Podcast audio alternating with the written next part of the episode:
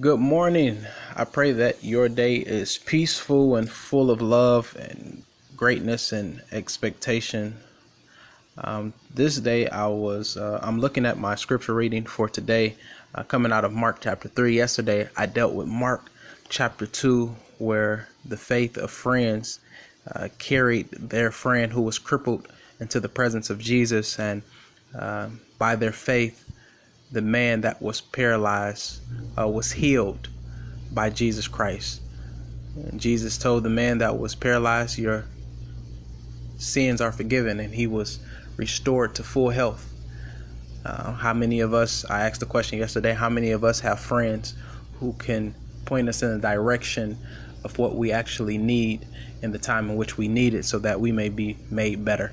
Uh, today, this um, uh, my scripture is coming for coming from Mark chapter three, and it is dealing with the Sabbath day, uh, the holy day, the day in which uh, Jewish uh, custom said there were was no physical labor to be done.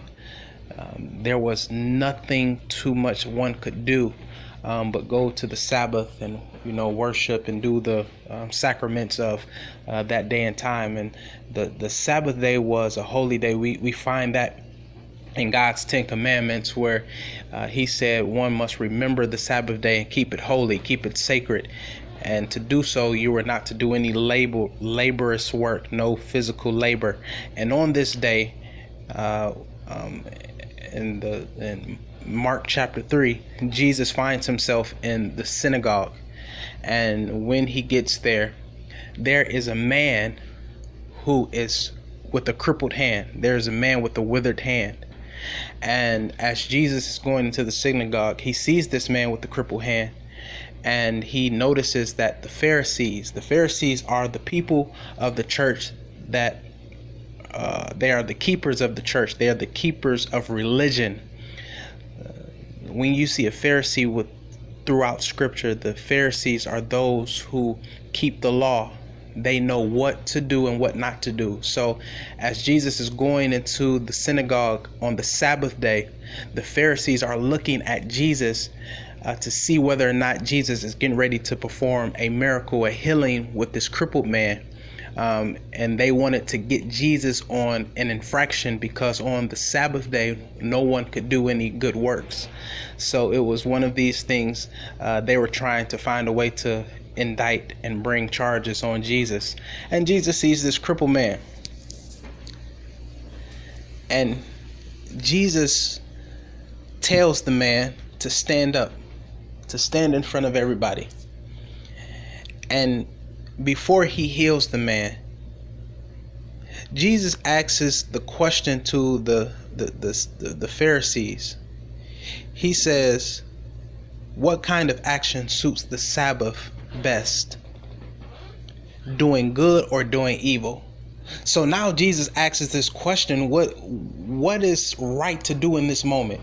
Is it right to do good or to do evil?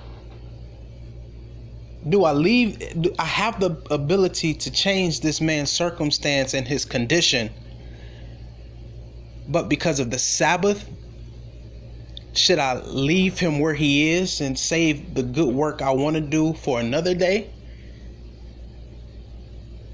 Or should should I do right by this man? So now we're dealing with good and evil. We're dealing with morals. What does your moral character say about yourself?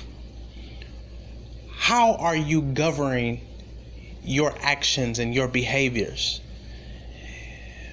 We almost ask this question in a society where sometimes we individualize ourselves and look not towards community and the affairs of our neighbors, but we kind of look to ourselves and doing for ourselves. But Jesus calls us to a, to this challenge.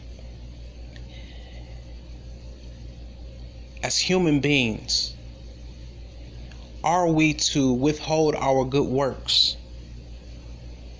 Or if we God has given us the ability to help someone else, do we extend the hand of relief or help to someone who is suffering and is not weak enough to help themselves? I'm not going to deal with the whole narrative. I do want to tell you that Jesus ultimately heals the man.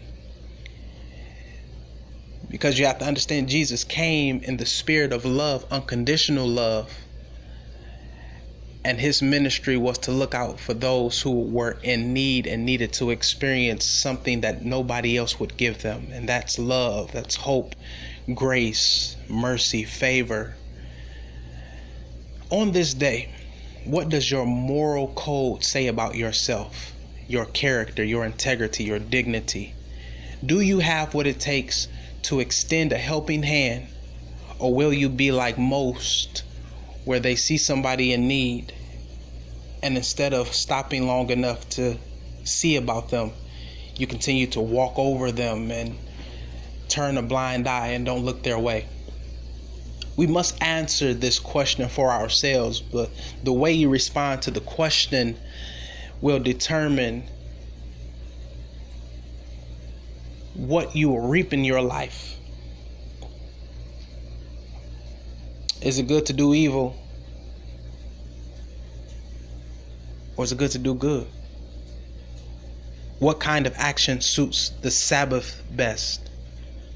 Are we keeping the Sabbath sacred by doing evil, or are we keeping the Sabbath sacred by doing good? All right, that's all I wanted to challenge you all on. Like I said, my name is David Clark. Uh, you can find me under David V Clark under Facebook and Instagram. Um, I pray God that you, I pray that you connect with me and that we can dialogue and we can talk and further um, discuss uh, the this that is going on. All right, have a blessed day. I pray that you go in strength and go in love. Peace.